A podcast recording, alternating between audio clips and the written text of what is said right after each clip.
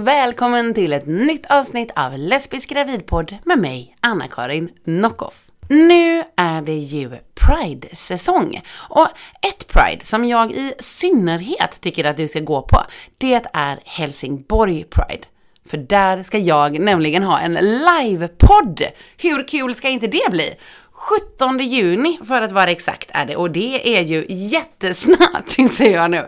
Och jag har ingen aning om hur man har en eh, livepodd. Men det får jag ta reda på tills dess. Så kom dit så får vi se tillsammans hur det här egentligen kommer att gå. Och apropå Pride så var Bobo, jag och några kompisar, inklusive William som var med i pappa-avsnittet för massa avsnitt sedan, och hans familj på Öckre Pride i helgen som var nu. Och oj, vad känslosamt det var. Jag är ju då uppvuxen på Hönö där själva pridet var. Och det var ju liksom inte en helt kul uppväxt. Eftersom jag var allt som övriga öbor inte tyckte om. Och nu helt plötsligt så stod jag där med massa glada människor som viftade med regnbågsflaggor. Och jag trodde verkligen att vi bara skulle åka dit och att det skulle vara kul. Men när jag stod där bland alla regnbågsflaggor viftande glada människor och Vilje Sandung sjöng det bäst kände jag hur mitt ansikte drog ihop sig till en riktigt ordentlig fulgråtsattack. På något mystiskt sätt lyckades jag avstyra detta till lite stilla tårar.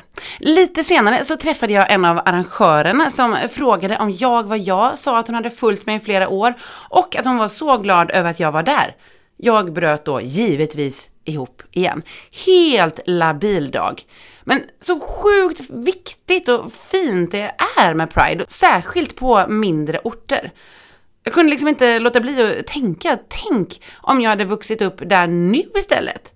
Då hade jag kanske inte fått massa ord och även kött kastat på mig så mycket. Jag kanske inte hade blivit nedslagen på fester och jag hade kanske haft helt andra, framförallt då högstadieår, än vad jag nu hade. För det sätter ju eh, spår det där med att bli behandlad på ett visst sätt under en lång tid. Ja, så himla fint att det är annorlunda nu. Så starkt och bra jobbat av Öckerö Pride att ens finnas. Och att göra en så fin festival på det. Fortsätt med det fantastiskt bra jobbet Öckerö Pride och alla Pride både på små och stor ort. Gäst i det här avsnittet är Emmy som tillsammans med sin fru har tre barn, en tvååring och ett tvillingpar på ett halvår. Det låter ju lite smått intensivt va? Från början så var tanken att Emmys fru skulle bära barn, men när det inte tog sig på henne så gick de över till Emmy. Hur är det då att byta så? Och hur är det att vara gravid med och få tvillingar? Hör om det, kejsarsnittsförlossningar och kontrollbehov. För här kommer Emmy. Lesbisk gravid på Hej Emmy och välkommen till Lesbisk gravidpodd. Tack så mycket. Du, eh, har du lust att berätta lite om dig själv och din familj? Ja, jag heter Emmy och är 34 år från eh, Lerum utanför Göteborg från början men bor numera i Umeå med min fru Lina som fyller 32 och eh, nu har vi en tjej som heter Alva på två och ett halvt år och två små tvillingpojkar, Frans och Ludvig som fyller ett halvår nu i veckan. Och vi, vi bor här just utanför Umeå i ett hus som vi byggde för sex år sedan. Jaha, ni byggt det själva? Ja, eller inte riktigt själva. Det var Myresjöhus som byggde. Okej. Men eh, så gjorde Lina jobba inom byggbranschen så hon ville göra så mycket det gick själv. Så Ja, övervåningen har vi byggt själva och så garage och allt runt omkring. Så. Aha, ja, bra jobbat. Men du, tre små eh, barn i nära ålder, det låter eh, intensivt. Det kan man lugnt säga. Ja. Man behöver inte fundera på vad man ska göra om dagarna. Men man får ändå ingenting ut- uträttat fast man håller på med något hela tiden. Jag kan tänka det. Så får ni sova någonting någon gång? Alltså det är faktiskt en sak som har varit otroligt smidigt. Men sen pojkarna, Ah. de har varit väldigt bra på nätterna. Alltså, jag kan inte minnas att det var så här bra med Alva när hon var bebis, men vi sover jättebra. Ja men gud vad skönt. Ja, och det, sen är det väl, det underlättar väl också att vi är hemma båda två så inte, man inte har den här stressen att någon ska upp och jobba, man får inte störa henne och så. Mm, Utan det. det går liksom att eh, sova i skift om det skulle krisa. Men det har det väldigt, väldigt sällan gjort, som tur är. Ja, det var ju, låter ju väldigt skönt. För ja, ni är hemma båda två nu då och föräldralediga båda två? Ja, precis. Jag hade väl tänkt att vi skulle vara det i alla fall första halvåret redan innan de föddes. Men nu har vi nog landat i att vi kommer vara hemma tills de börjar förskolan där. Ja, i början av nästa år blir det. Så då är de ju lite mer än ett år. Det känns väldigt skönt att komma fram till det. För det hade varit eh, väldigt tufft tror jag, att vara hemma med alla tre själv. Det låter väldigt tufft. ja, jätteskönt att det går att lösa så ni kan vara båda två. Ja, Med ett första barn, Alva, så eh, var tanken att eh, din fru var den som skulle bära barnet innan ni blev gravida. Men det tog sig inte på henne. Hur var den processen? Från början så kändes det ju väldigt eh, naturligt att Lina ville bära barn och var, bli gravid. Och Mm. för min egen del så kunde det sitta. Alltså, det var ingenting jag drömde om. Liksom. Det var, jag, jag hade mest svårt att se mig själv som gravid. Och, så det kändes som den naturliga vägen att gå. Och sen försökte vi kanske inte jättemycket med henne, men det tog ganska lång tid. Vi använde de här landstingsbaserade eller finansierade försöken på henne gjorde två inseminationer och två IVF-behandlingar. Men det vart ju, ingen av gångerna vart det något embryo som klarade att frysas.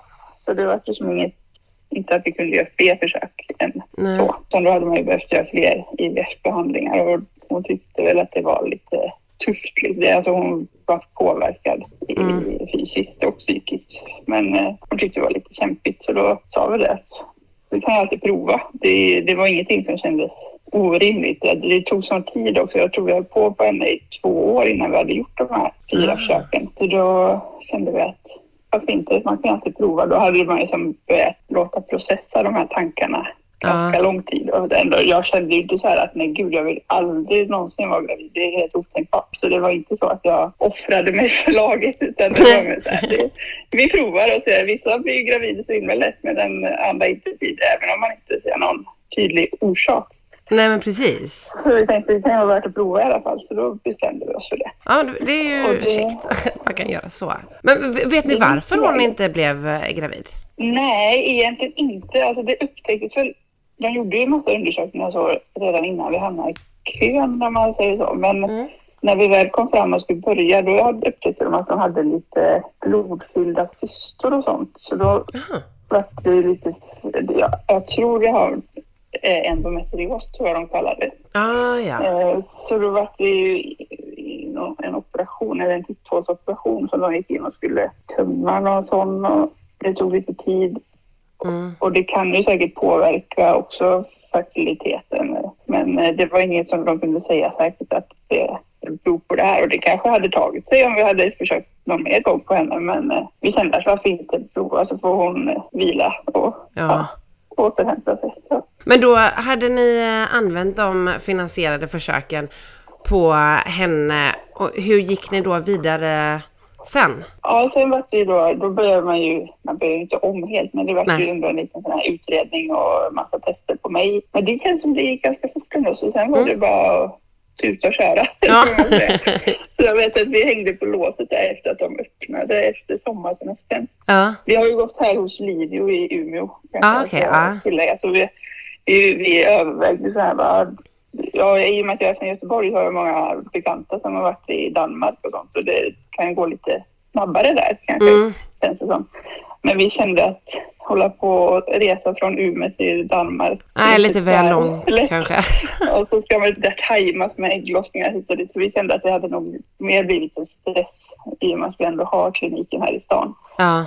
Så då gick vi via dem. Nej, det flöt som på ganska bra då. Nu så hängde vi på låset efter semestern och fick göra första inseminationen för mig.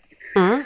Och då var det väl ingen som var mer förvånad än oss att det tog sig direkt.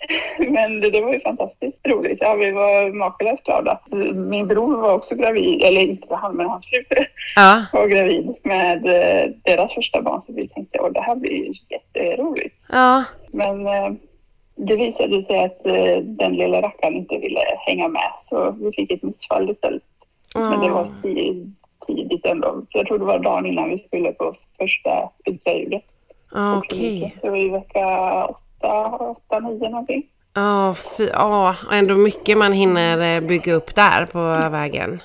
Ja, alltså man hann ju ändå vara glad och börja tänka och planera. Så här. Det var ändå en månad i alla fall som vi visste om att vi väntade någon. Men eh, ja, så det var, det var riktigt tufft faktiskt. Sen, eh, ja, det, går ju, det är ju väldigt vanligt och så mycket vanligare än vad man kanske har vetat om innan man Mm. går in i hela den här bubblan. Men eh, ja, det- kändes eh, tufft i och med att ändå, vi hade ändå på så pass många år, även om det då inte var så många försök så Nej, kände vi att det var, ja, det var vi lite sänkta. Men eh, jag förstår det. det, det, vi kände väl det, att vi, vi får bryta ihop och komma igen. Och vi tog väl ändå inte direkt särskilt lång tid innan vi kom upp på hästen igen. Nej. Nej men vad bra. För hur gjorde ni liksom för att samla ihop er efter det och ta nya tag? Var det det att okej vi bryter ihop och sen kör vi igen? Eller hur liksom? Ja, alltså man försöker försöka att sätta det i perspektiv och tänka att Mm. okej, men det tog sig ändå på första Ja. försöket. Det är ju, kan ju vara ett gott tecken i alla fall. Det går liksom att bli gravid. Sen att det bara inte ville stanna kvar, det kan ju bara varit eh, otur liksom. Ja. Men äh, jag tror vi, man, man var väl också tvungen att vänta någon mens sådär efter missfallet som jag minns det. Så jag tror det dröjde väl kanske två månader efter innan vi, två eller tre månader innan vi gjorde fler försök. Men eh, Ja. det var inte, alltså vi pratade ju mycket och vi liksom bollade hur vi ville gå vidare. Men vi var ju överens om att vi ändå ville försöka några fler gånger i och med att vi som sagt ändå hade, vi såg det ändå som ett gott tecken på det stora Mm. hela. Men eh, det var även lite skönt att bara kunna släppa det då kanske ett par månader. Jag vet vi var, mamma fyllde 60, vi var i Spanien och ja, ja koppla bort själva processen som man hade liksom levt i ändå ett tag. Så ja, det var, det var en tuff period men eh, vi var ganska överens om hur vi ville fortsätta ändå. Men sen eh, vi landade ju även i att ja, okej, det kanske inte blir något mer. Det kanske, alltså något mer än oss i vår familj. Det kanske blir Mm. du och jag. Men det är ju inte så eh, illa ändå. Nej. Men ni kunde ändå acceptera den om. Ja, tanken? vi kom, alltså, i och med att vi ändå, vi pratade mycket om det och vi kände att det är okej. Liksom. Vi har ju haft jättemånga fina år liksom, och vi har ju kul tillsammans. Det blir ju nästan att den här processen nästan åt upp vardagen lite. Alltså man kunde inte riktigt uppskatta det man innan hade levt för. Nej. Så det, då kände vi att vi får inte liksom äta upp oss helt. Och då är det inte, skulle fortsätta allt för länge utan att det blir några barn så är det riktigt värt, värt det för oss. Då tar det mer än vad det ger. Satte ni någon så här är maxgräns för försök? Vi, vi satte nog inte någon sån antal, men det, ja, det, vi var ändå nära den gränsen när det väl blev en liten alva. Ja. Det, det- var typ så här, vi hade inte sagt exakt, men vi sa så här, vi ger det ja, tre, fyra försök till eller något. Och så tog det sig kanske på andra tror jag, när vi började prata. Och då den gången ville hon eh, stanna kvar och bli en alva. Vad kul. Men hur var det då liksom när du blev gravid då igen? Var det liksom extra nervöst då på grund av att du hade fått missfall tidigare? Ja, det måste jag nog säga.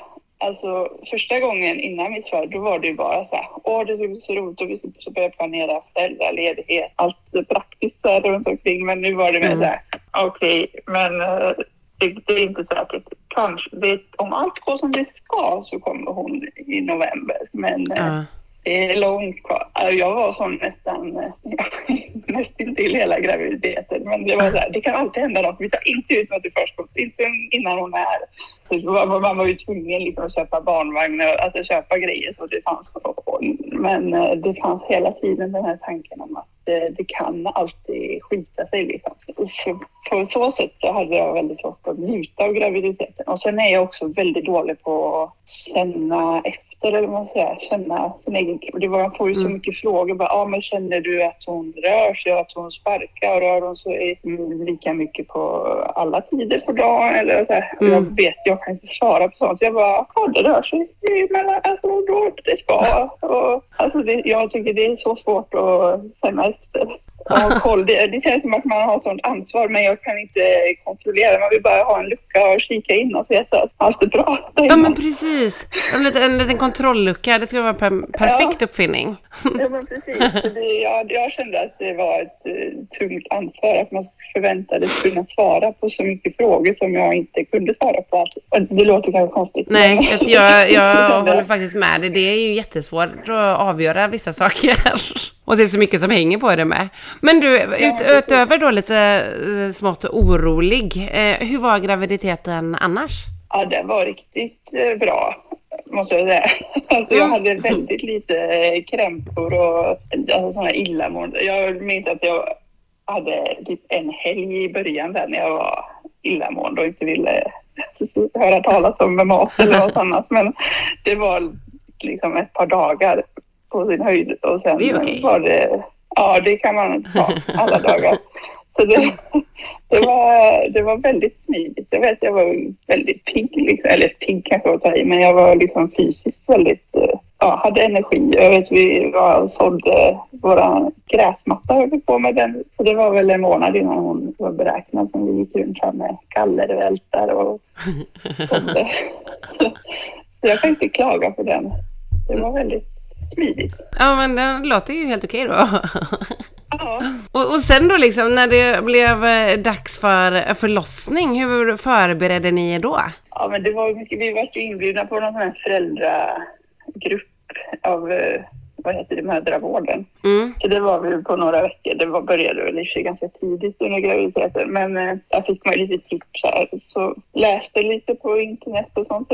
Vad man skulle göra. Packa BB-väskan gjorde man ju eh, ohyggligt tidigt. Men eh, sen visade det sig att eh, våran lilla Alva, hon ville krångla till saker lite. Så två veckor innan hon, skulle, ja, innan hon var beräknad, då gjorde jag min sista dag på jobbet. Och, så, så då åkte jag till mödravården efteråt och så visade det sig att hon hade vänt på sig. Hon hade legat rätt med huvudet neråt och så, men hon var inte fixerad. Nej. Men då hade hon lagt sig på tvären istället. Så då, och I och med att det bara var två veckor kvar så var det lite så här, okej det här skulle det dra igång nu så blir det inte bra alls. Men Nej. på tvären kommer inte bebisar ut. Nej, gud. Eh, Oh. Så då var det ju lite så här, okej, det var en fredag vet jag. Så på måndag, ni får gå hem över helgen och sen på måndag får ni åka till specialistmödravården och så kommer de försöka vända på henne. Mhm. Det gjorde, vi- då, det gjorde vi och de lyckades ju då vända på henne men hon snurrade ju 180 grader så hon låg ju bara på tvären åt andra hållet. Jaha. Så då sa de det att okej, vi får inte henne att flytta på sig så ni får komma tillbaka på torsdag igen och då gör vi ett till vändningsförsök och går det inte då så blir det ett snitt på fredag. Okej, oj. Alltså då var det ju väldigt så här, vi bara okej, vad vill vi? Alltså när vi Ja. kom hem så här, ja på ett sätt är det gött och vi hade aldrig ens liksom reflekterat över att det skulle bli ett snitt för vi var så inställda på att det, blir, det skulle bli en vanlig förlossning eller en vaginal förlossning. Ja. Men då började man säga, ja det hade ju varit skönt att få ut den ändå. Just. Får man lite mer kontroll, jag är lite kontrollbehov så då vet man att Mm. klockan sju på fredag då ska vi vara där och då kommer hon ut och man kan ta det lugnt. Men eh, samtidigt var det inget vi kunde styra. Hade de lyckats vända henne rätt så hade det ju varit eh, det bästa. Men eh, det gick faktiskt inte så det blev ett snitt där Ja, okej. en vecka innan hon var beräknad. Ja, men vad skönt att ha lite kontroll över det då. Men också så snabbt, för det var bara ett par dagar efter det vändningsförsöket då. Ja, precis. De gjorde det första vändningsförsöket på måndagen tror jag och sen ett till på torsdagen. Och sen vart snittet på fredag. Oj, Så det... sån det- omkastning i huvudet. ja, jag är väldigt nöjd att... eh, För min största skräck var också att behöva gå över tiden. Jag är ju så otålig. Man vill ju bara ha ut henne från första början och liksom få henne i sin famn så man ser att hon lever och så behöver fundera mer på vad, man, vad som händer där inne. Hur var det, hur, hur var liksom då det att föda via snitt? Ja, man har ju förstått att det finns många fördelar med att göra det vaginalt. Men för egen del kändes det ju så himla lyxigt och glid. Alltså, här, i och med att jag har aldrig drömt om att vara gravid. Jag har ännu mindre drömt om en förlossning. Det är ju inget Ja. som säljer in som något härligt så under själva tiden.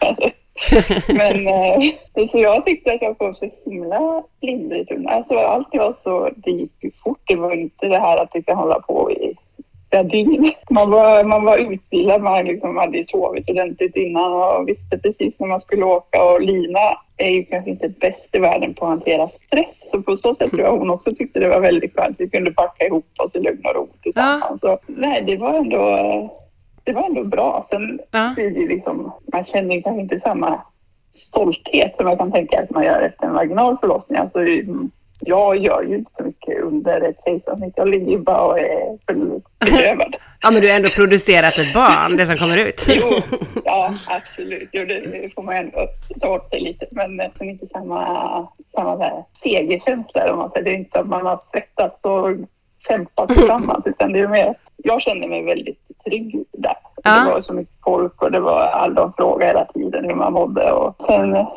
till slut så från det att de läkaren kom in och liksom sa nu ska vi börja, nu öppnar vi upp liksom. Det, Mm. Så går det ju väldigt fort innan de får ut bebisarna. Det, alltså, det tog ändå ovanligt lång tid med Alva. Ja. Men hon, så hon låg så konstigt då med benen överallt och fasta. Alltså. Men eh, det tog ju kanske tio minuter. Okej, ja. Det är ju liksom, i det stora hela är det ju väldigt lite tid. Ja, absolut. Men hur är det egentligen? Eller, alltså, det är så många eh, liksom, situationer och sånt i både graviditet och eh, liksom, föda, förlossning och allting som är så absurda. Men en sak som jag känner är så absurd att tänka sig är att ligga, eller först att veta att nu ska de skära upp min mage och sen att ligga där och vara vaken liksom och veta att min mage är öppen nu. Hur hanterar man det? Det är nog väldigt olika. Men jag, som sagt, jag, det, jag saknade mest ha typ en spegel så man såg vad som pågick. Du ville se till och med. Alltså, det fick jag inte göra och Nej. det får man väl inte. Men jag, jag kanske hade svimmat om jag hade gjort det, vad vet jag. Men jag, som sagt, jag vill ju, det känns ju värre att ligga där och inte ha en aning och man Mm. känner att de drar och man börjar, alltså jag känner ju bara att min kropp liksom rullar hit och dit och dras och i och med att hon då satt fast lite Ja. då blir man ju, så jag försökte ju säga till Lina, jag bara, "Kan- går du och kika över? Ser du någonting? Hon, Lina väger, hon var inte intresserad av det. Så. Men eh, ja, det är en väldigt konstig känsla överlag. Det, det går nog inte riktigt att beskriva. På något sätt blir det Nej. lite att man zoomar ut nästan. Eller så gjorde jag i alla fall. Det Ja. kanske är någon försvarsmekanism att säga okej, det här är utom min kontroll. Det är bara att ligga här och vänta tills de som eh, håller på med att de vet vad de gör. Precis, bara förlita sig på dem. Ja, och inte man är bara släppa lite och försöka zooma ut och slappna av så mycket det går. Men eh, sen när hon väl kom ut då skrek hon inte heller så det, Lina fick ju springa ut då tillsammans med sköterskor. Så. Ja. De gick ut till bord och då ligger jag ju där själv eller så. Ja, Det, det är också väldigt eh, konstig känsla. Eller man Just vet det. liksom inte. Speciellt när man då har lite kontrollbehov. Så då blev det nog som en reaktion att bara okej, jag måste bara zooma ut. Jag Ja. väck mig när, det här, när ni vet vad som händer. Jag somnar inte förstås. Men alltså, Nej. det var mer så här. säg Nu till. bara vill jag ligga här och blunda och så får ni säga när ni vet något. Ja, men precis, man kan ju inte direkt springa efter då med magen öppen. Nej. Nej, det går inte riktigt. Då Nej. kan man ligga där och bli ihopsydd istället. Så det, men det gick också väldigt bra. Det, det, de kom ju in, sköterskan kom in efter, det kändes som att det bara var en minut kanske och sa att hon skriker och andas liksom. Ja. Så fort de la ner henne på bordet så började hon skrika. Så då kan man ju, då släpper ju väldigt mycket av den oron som man ändå hinner bygga upp under de här minuterna. ja, de, de minuterna blir ju lätt som timmar i sånt läge. Ja. Men hur, hur blev ni liksom bemötta och så förresten på eh, sjukhuset? Var det några konstigheter liksom att ni var två kvinnor? Vad skönt. Nej, vi har nog inte stött på någonting. Sen är vi kanske också lite dåliga på att eh, notera det om vi blir det. Eller, men alltså nej, det är absolut inget dåligt. Sen att det kan vara om man kommer själv någonstans och de frågar kanske, ja men vad gör pappan eller något kan ju vara en Mm. fråga. Eller så. Men det, jag tror inte, jag är i alla fall väldigt dålig på att ta åt mig det. För jag känner Ja. att det, det är inte så konstigt att det är ändå det vanligaste. Ja, Så jag blir inte så bara, ja men tänk på att det kan vara en mamma. Bara för det, men alltså, så jag tar inte illa upp på det och jag märker det knappt. Nej. Eller tänker inte ens på det. Så jag, så vitt vi vet har vi inte blivit bemötta eh, dåligt eller konstigt på något eh, ställe faktiskt. Väldigt, de har varit väldigt gulliga. Speciellt Ja. när vi då är båda, då blir det så himla naturligt. Och, som på förlossningen när Lina är med också. Så Mm. det var bara, bara bra. Och de var jätte, jättegulliga alla som var inblandade där runt. Ja, vad Och bra. även sen på BB och allt. Var den kvar länge på BB? Jag, jag tror det är typ standard när man, i alla fall som förstföderska, två nätter. är Ja. ja, det ser väl som... Ja, dels måste man nog vara kvar i alla fall första natten när man har blivit smittad. Tror Ja, jag. Jag vet just inte det. Säkert, men ja, det tar ju lite tid innan man kan gå. Alltså man fick ju som börja stå lite där samma eftermiddag, men innan man var stabil och så, innan kroppen var hyfsat fräsch. Och så, så det var, jag vågade ju inte gå runt med Alva i famnen första dagen tror jag, för att man var lite skakad. Så Ja. den här bedövningen sitter ändå i ett tag. Men eh, det kändes som ganska skönt att få de där två dygnen. Man hann fråga mycket och hur allt funkar och få hjälp med det som man var lite osäker på. Så, så det var ändå det var skönt. Och BB, så himla bra grej. Ja, jag vet inte, det man kom hem, man bara shit, det känns som vi har varit i en annan värld. Liksom, den här BB, de två dygnen. Det var bara så här, har vi verkligen varit här i Umeå? Finns de här människorna på riktigt eller lever de i någon fantasia? Det var som att man gick in i någon bubbla och det kändes alldeles så himla overkligt. Den eh, BB-bubblan. BBB Mm. skulle man ju kunna säga. Men eh, sen så var ju Alva inte alls gammal när ni tidigt inpå då började försöka bli gravida igen. Var, var det en plan från början att nej men nu, nu kör vi det här boom, boom, boom? Eller var det att ni fick mersmak av eh, henne? Alltså vi hade nog alltid sagt att vi, om det gick, eh, gärna hade velat ha två barn. Eller alltså så att de har, får ett syskon. Eller Mm. hon får få ett syskon.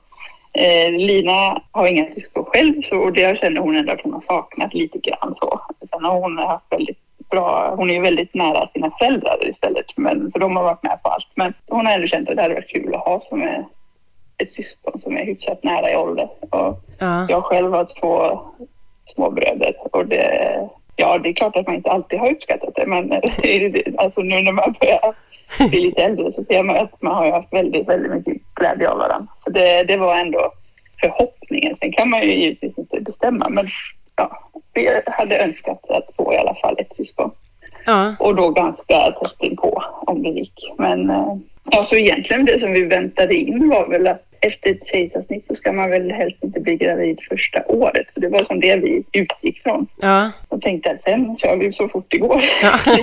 Eh, så Alva föddes första november. Så då tog vi kontakt med Livio där några månader innan det hade gått ett år. Precis. Och då var det lite så här, ja, det var inga stora tester, men lite blodprover och så skulle vi prata med någon psykolog och så.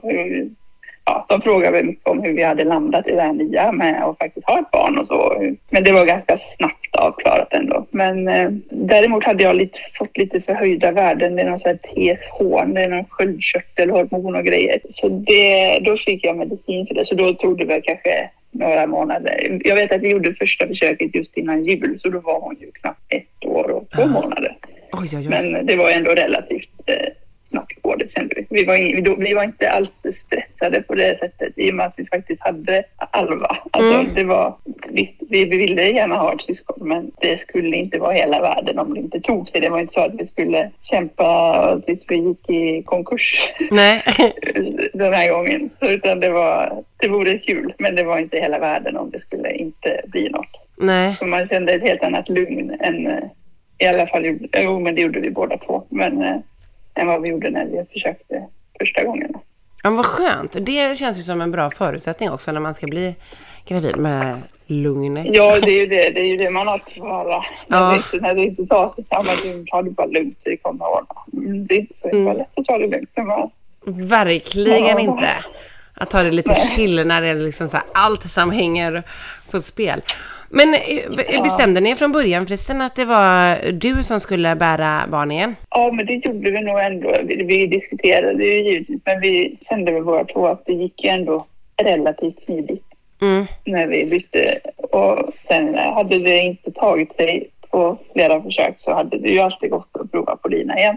Ja. Men vi kände att ja, vi, vi provar och det kändes väl ganska bra. I och med att jag också dessutom hade en så pass bekväm graviditet eller vad man ska säga. Det var ju väldigt lite som tillstötte så. Jag mådde ju inte dåligt överhuvudtaget så det, var, det kändes också positivt. Sen kan det ju alltid skilja från gång till gång har man förstått. Men eh, Ja. nej, vi tyckte det kändes bra. Ja, Det, det fick bli så. ni körde på. Ja, Hur tätt gjorde ni inseminationerna den här gången? ja vi ska se. Vi gjorde då den första innan jul, vad blir det, 2020. Och sen då tog det sig inte. Jag tror vi- då tog sig nog på tredje eventuellt. Jag tror det var tredje. Vi gjorde i december och sen var det en månad som det inte blev någon insemination. För att jag hade något lite dåligt värde på någonting. Ja.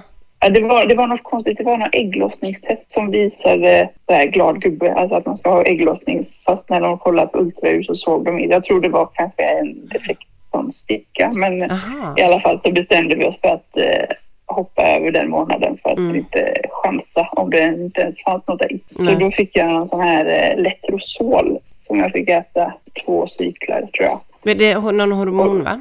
Ja, alltså nu är jag ju så dålig. Man var ju ganska bra på det här när man höll på, men man eh, blir, glömmer fort alltså. Ja. Men det är ju någonting som ska boosta ägglossningen på Mm. något sätt. Man äter det några dagar och då sen när man slutar tror jag det ska bli massa ägg. Eller inte massa, men Mm. det de sa var så här, vi frågade om finns det några risker med det här eller några nackdelar med det. Mm. De sa det att det, det värsta som kan hända är väl att det blir för många ägg. Blir det fler än två ägg som växer till sig så gör de inte inseminationen. Nej, Då okej. får man vänta till nästa cykel. Men eh, är det ett eller två ägg som växer till sig så, så kör de om vi själva vill då. Om det, alla vill ju inte om det är två ägg. Eller, Nej. det är, I och med att det då ökar risken för att det ska bli tvillingar. Ja, eller chansen ja, ja. vi tänkte. Men, så då gjorde vi istället en insemination i februari och sedan i mars. Och det var ju den i mars då som, eh, som blev Frans och Duttvik. Och då som sagt, då fick vi ju se redan på ultraljudet inför inseminationen att det fanns två ägg som hade växt till sig och de sa det att ja, det finns en ökad risk eller chans Mm. för tvillingar. Och då tänkte vi, ja men det är helt fine by us. Så Ja. Så för er kändes det mer som en chans än risk? Ja, men gud, alltså det kändes, framförallt kändes det som att det är ju dubbelt så stor chans att det blir i alla fall en. Ja. att det blir två, det är ju, det är ju ännu roligare Mm. Så det var ju bara att köra. Så det gjorde vi. Och det var ju tur. Men när fick ni liksom eh, reda på att det var ett När gjorde ni det första ultraljudet? För jag antar att det var då ni fick reda på det, eller? Ja, men precis.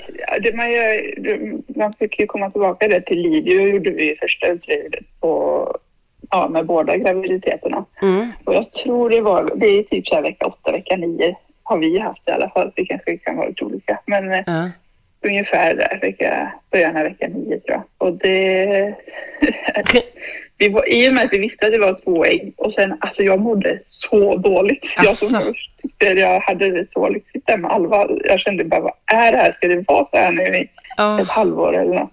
För jag fick ju, det är inte så ofta jag är hemma från jobbet men jag var tvungen att ringa till min chef och säga så, alltså det här går inte. Men- Jag var yr och jag mådde, jag kräktes inte nästan någon gång tror jag, men jag mådde så dåligt. Ah, Jag var helt stängt. Så nu det inte, det var inte så, så länge, men det var Nej. liksom inför det här ultraljudet just den de veckorna. Och då tänkte jag så här, okej, det kanske kan tyda på att det Något ovanligt Eller här. får vi- Ja, precis. Men som sagt, sen vet man ju ändå att det kan ju skilja sig ändå från gång till gång. Så det var inte så att vi hade tagit ut något i förskott, men det var inte helt, ingen blixt från klar himmel när de sa att Mm. oj då, det är minsann så. Men hur tog ni den informationen då, när de sa så? Ja, jag vet, för kändes det var ju fortfarande under corona det här. Så Ja, jag, Lina, var. Lina var inte med på några, hon var inte med på själva inseminationerna och inte heller det här ultraljudet. då. Så Nej. hon var ju med på Facetime. Men eh, ja, hon doktorn, eller läkaren som gjorde ultraljud, hon, hon är ganska härlig. Vi har haft mycket kontakt med henne. Så hon var ju helt eh, stum innan hon lyckades klämma ur sig att ja du Lina, och jag vet att hon tilltalade Lina istället för mig då. Det, det, jag ser faktiskt eh, två små, det har blivit så där som vi pratade om inför för det kunde bli. Så nu är det så, Lina vet jag bröt ihop där. Alltså hon var ju klar, det var glädjetårar. Men ja, och, och glädje. Men eh, ja, det tog inte många minuter innan de här praktiska tankarna började snurra. Vad ska vi ha för bil? Hur ska vi få in alla barnstolar? Ja, vi behövde inte flytta i alla fall. Vi hade ju ändå byggt, byggt hus. Ja, kunde skönt det. Förhoppningsvis få lite barn. Men eh, ja, det var, det var absolut mest glädje. Åh, Lite chockartat också. Och så också blir det lite okej, hur ska... Jag var väldigt stor med Alva och då tänker Ja. man så här, hur stor ska jag vara? Eller hur ska det här gå? Precis. Ja, men hur, var, hur stor blev du då? Hur var det att vara gravid med tvillingar? Och gick det där måendet, hur länge mådde du så? Alltså det var ändå inte, jag tror det höll i sig kanske i tre, fyra veckor. Sen var det inte så, som sämst var det. Jag tror jag var hemma från jobbet en vecka eller en och en halv sådär. Sen var det ändå hanterbart. Man, jag vet, jag hade med mig sådana här små smörgåsrån överallt som man kunde Ja. Tugga på något. Ja.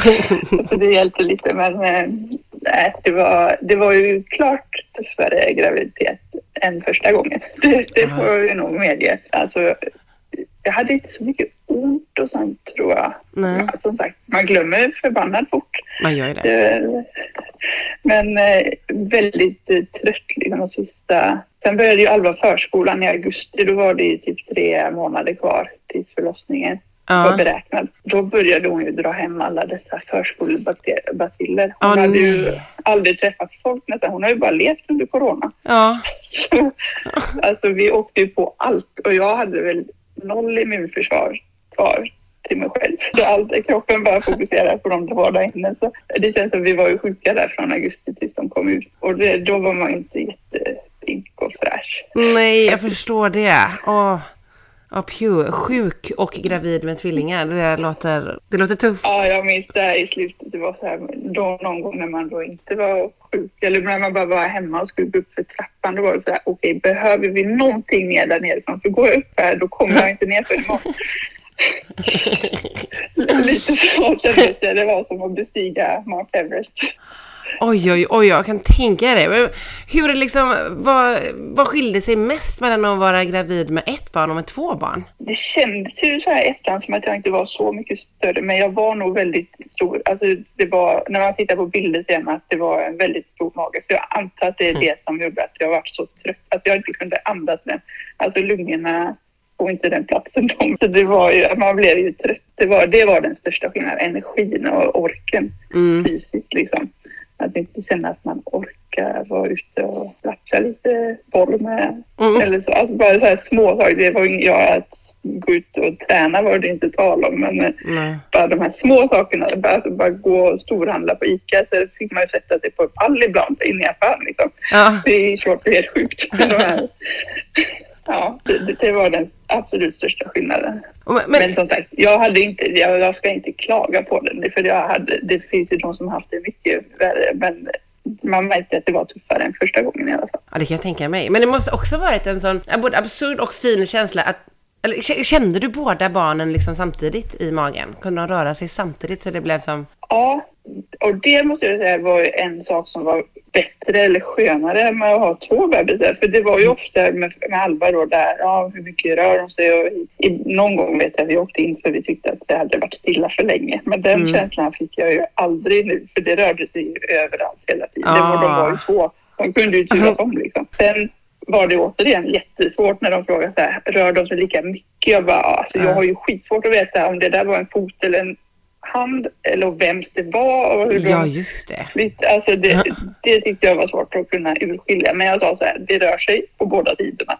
Mm. Så jag, då det tänker jag, i och med att de säger såg på alla ultraljud att de låg, låg liksom på varsin sida. Eh. Så då tänkte jag att det rörde sig på båda sidor så måste det ju vara ett gott tecken.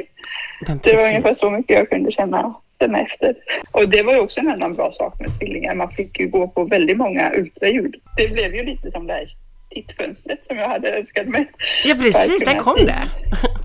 Ja, jag tror man var ju där nästan var fjärde vecka. Nästan, inte riktigt hela tiden, men eh, i alla fall i slutet var det väl säkert ännu tätare. Liksom titta till dem och då visst, fick man alltid veta att okej, allt är bra ut och de, ja, det är som det ska. Och det var ju Åh, väldigt skönt för psyket. Så. Ja, och du då med kontrollbehov måste ju vara extremt skönt för. Ja, det var fantastiskt. Alltså- Så jag kan absolut rekommendera tvillingar om man är lite... Ja, men bra. Det gör vi en liten anteckning om. Vid kontrollbehov, skaffa tvillingar. det, ja, det är ju ett bra tips. Men du, hur var det liksom då när, när du skulle föda dem? Hur, är det alltid kejsarsnitt med tvillingar eller är det vaginalt också? Nej, alltså vi var ju, i och med att vi hade gjort snittet med Alva Mm. så var det mycket, vi pratade mycket om det där redan innan vi ens träffade någon på specialistmödravården. Det tror jag vi gjorde ungefär halvvägs in i graviditeten så man började prata förlossning. Men vi hade ju pratat mycket hemma också och kände ju att det där med snitt, det var ju jäkligt smidigt alltså. Ja.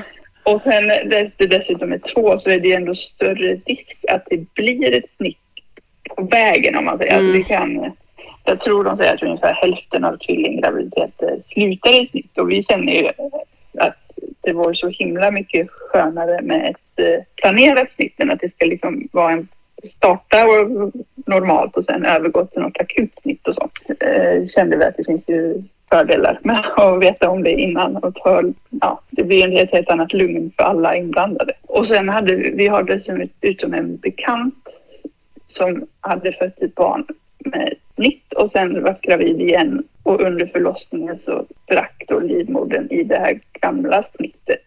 Au, okej. Det är extremt, extremt ovanligt men det Ja. händer ändå. Det är inte bra. liksom. Alltså, hon förlorade sitt barn Nej. och det är ganska, ja det är väldigt farligt liksom för Ja. barnet och en själv när det händer. Ja, men fy. eh, så, alltså det fanns ändå där i bakhuvudet. Mm. Alltså, så vi önskade oss tidigt, vi sa direkt att går det så vill vi gärna ha ett snitt.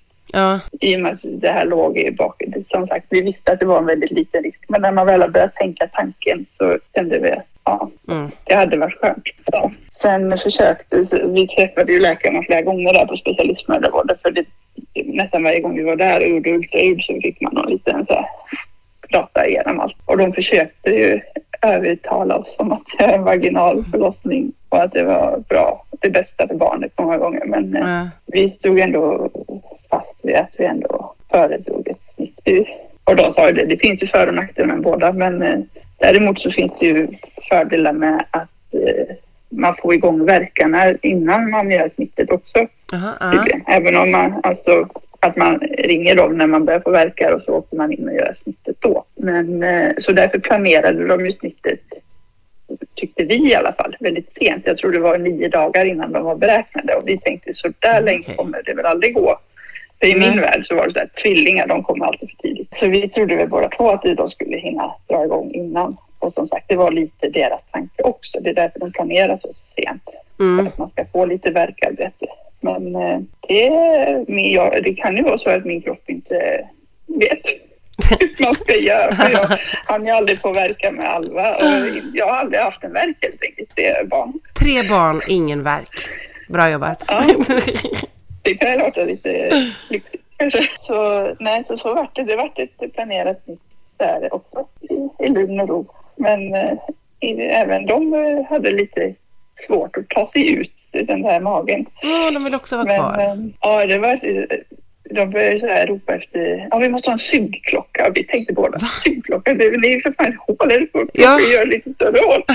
Men det hade, aldrig, det hade vi inte pratat någonsin om med någon att det var ett alternativ. Nej. Det trodde vi, nej. Det, vi, så det var ju lite såhär, vad händer nu? liksom? Ja, precis. Så Plocka ut dem bara. började de köra med någon sugklocka. Men då kom ju första grabben Frans ut eh, och han skrek för full hals på en gång. Så det var, det var ju skönt att få ut han och sen, eh, men sen satt eh, Ludvig fast lite. Det var lite svårt att få ut han också. Ja.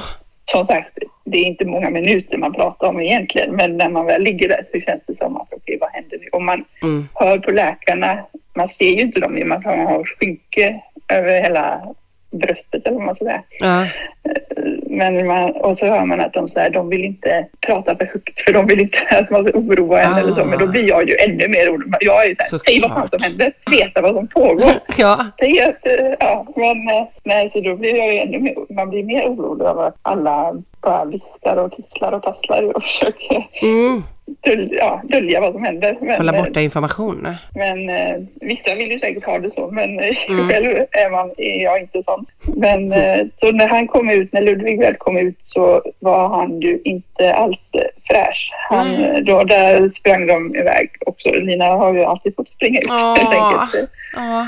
Men han var ju också sämre däran än Mm.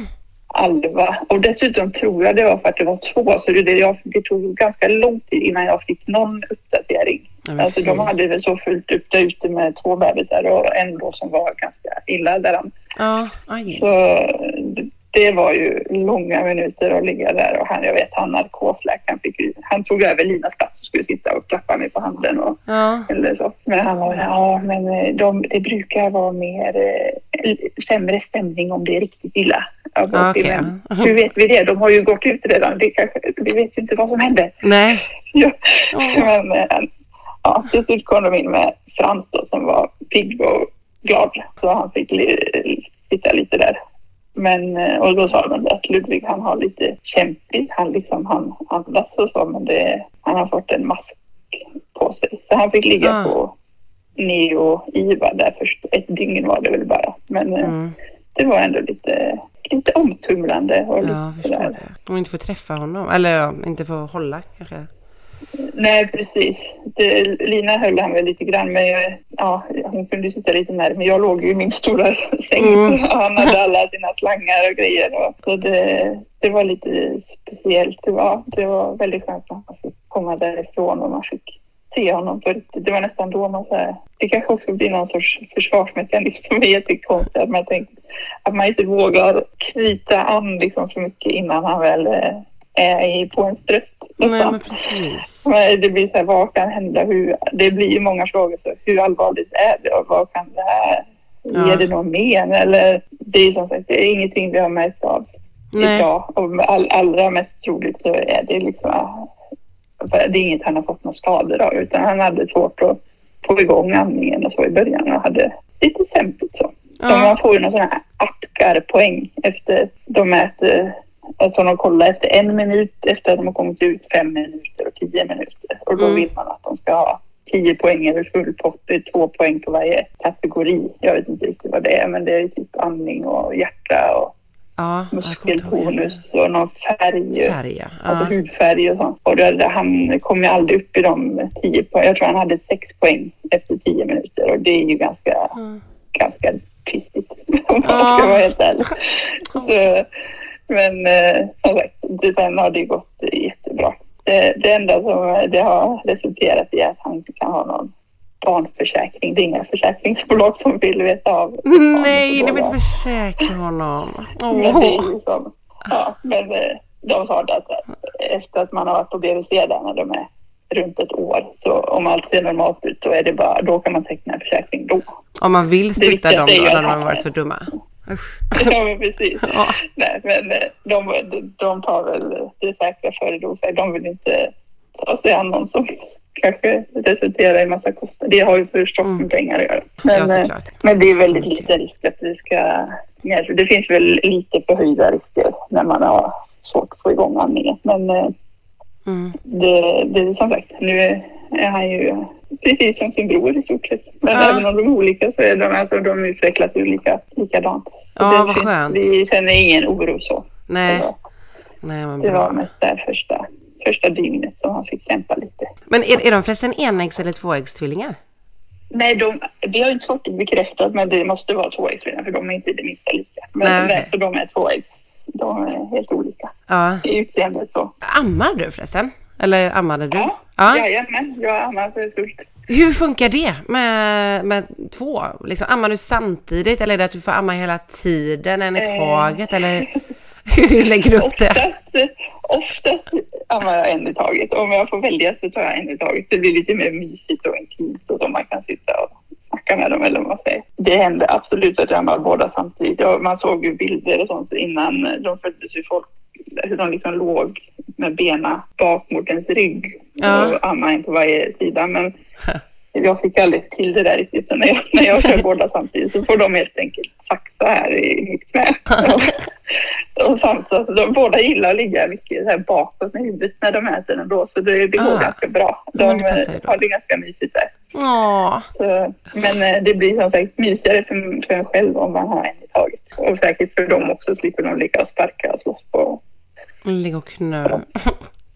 Ja. Men, men hur, hur tog Alva det att eh, bli eh, stora syster vid eh, två års ålder? Alltså väldigt bra faktiskt ändå. Jag, jag tror att hon var för liten för att få den här svartsjukan som man har hört talas om. Jag vet min bror var väldigt svartsjuk mot våran yngsta bror. Men han var ju tre och ett halvt när han föddes så det var nog Alva var nog för liten för att känna av det. Ja, skönt. Hon har mest väl tyckt att, det är jätte, att de är jättesöta och jättespännande och gosiga liksom. Hon Ja. är väldigt mycket bra där och gör dem när de är ledsna så hon gör dem glada. Och, Åh, ja. Roligt. Sen är det ju svårt för en tvååring att förstå att de kanske är lite ömtåliga. Ska Ja. de ha nappen då ska de fasen ha nappen när om hon ska trycka ner den i halsen på dem. Men, men eh, hon vill ju väl. Så det, Ja. hon är jättesöt med dem. Tanken är god. Åh, jag kan tänka mig det. Åh, gud vad gulligt det måste vara, Ja. livet. Men har du eh, något bra eh, lifehack till det här liksom att ha tre små barn? Är det någonting som gör eran, eh, eran vardag lite lättare? Finns det Oj, något vad svår fråga. Men så, generellt har vi pratat mycket med varandra under tiden. Att vi, det handlar väldigt mycket om att sänka ribban, sänka kraven på allt runt omkring. Det får vara, liksom, det får vara 100% fokus på att få de här ungarna att överleva och gärna vara glada. Liksom. Men det får bli inte så mycket utsvävningar. Det är inte lika så mycket. Med Alba var det mycket så här, vi ska få babysim och vi ska göra det och vi ska, det ska hända någonting. Även om det då var corona så det var inte extremt mycket med henne heller. Det var ändå lite där man ville hitta på saker. Men nu känner vi så här, gå ut på en promenad, leka lite på vi har en liten lekplats ute på gräsmattan. Ah. Leka lite där. Det behöver inte vara så mycket mer avancerat. Det får liksom fem i någon enstaka gånger blir det att man åker iväg på någon, kanske Leos lekland och sånt. Eller att man då åker iväg med bara Alva någon gång på lite egen tid. Men sänka kraven på sig själv och inte, inte försöka vara Nej. supermam. Ja, men bra, bra råd som ju går att applicera på även om man bara har ett barn. Ja, men precis. Ja, det gäller ju nästan jämt. Liksom. Ja, det skulle jag säga även om man inte har något barn faktiskt till Ja, och med. faktiskt. Absolut. Du Emmy, tack så hemskt mycket för att du har varit med här i Lesbisk gravidpodd. Ja, men tack för att jag fick vara med. Du får hälsa hela familjen så mycket. Det ska jag göra. Bra. Hej då! Hej då.